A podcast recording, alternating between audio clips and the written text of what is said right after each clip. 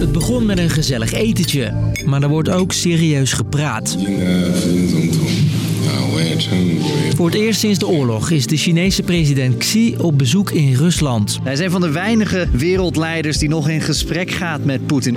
Maar echt neutraal kun je Xi Jinping niet noemen. De twee praten over de samenwerking tussen Rusland en China en over de situatie in Oekraïne. Het laatste wat hij wil is dat Poetin deze oorlog verliest. Ik ben Jasper en ik neem je mee in de bromance van Poetin en Xi.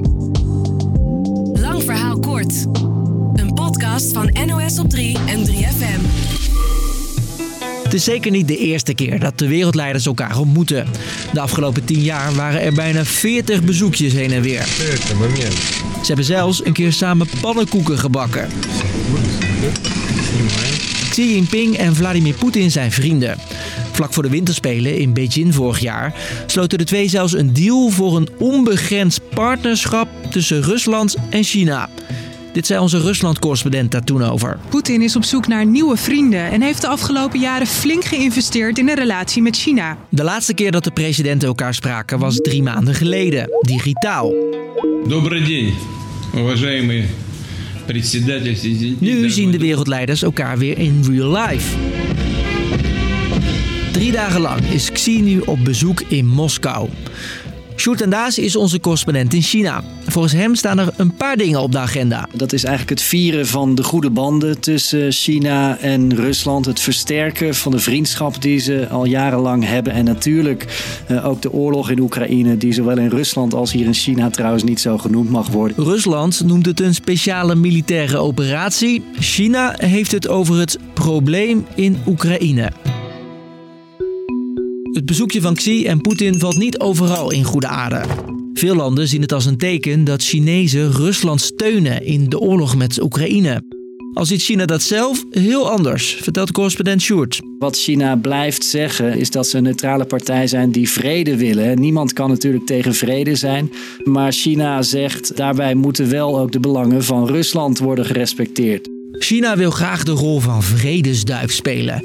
Het land kwam zelfs met een plan om een einde te maken aan het conflict in Oekraïne. Een twaalfpuntenplan waarin ze bijvoorbeeld zeggen dat er een einde moet komen aan het geweld. eh, Dat er eh, gepraat moet worden over vrede. eh, Dat er een einde moet komen aan de humanitaire crisis. Echt een statement is dit 12-puntenplan volgens Sjoerd niet. Het zijn allemaal redelijk algemene punten waar niemand op zich kan tegen zijn. Maxi lijkt zijn rol als vredestichter wel serieus serieus te nemen.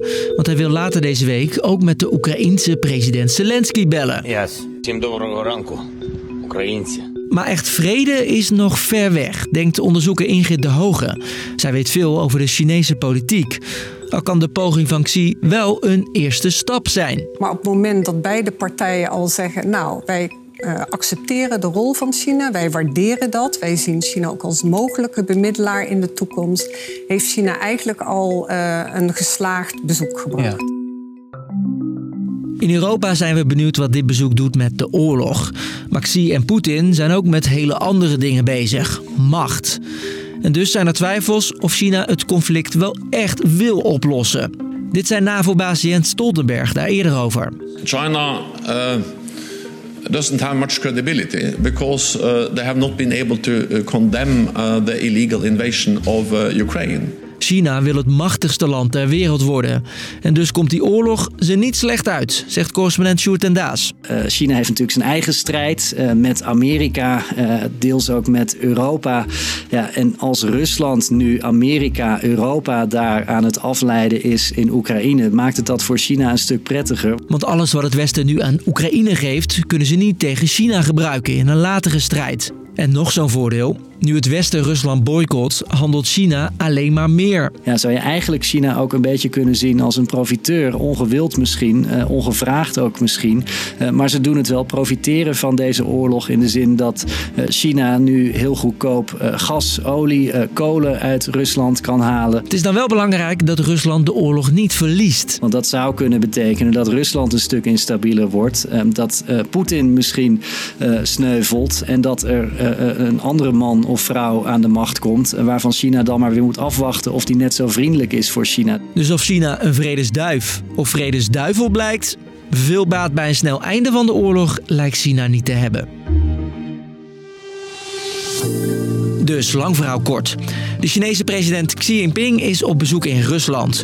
En hoewel veel westerse landen dit zien als een steunbetuiging aan Rusland, ziet China zichzelf meer als vredestichter. Al is de vraag hoe serieus ze die missie nemen. Want van de oorlog lijken zij vooral te profiteren. Was de podcast weer.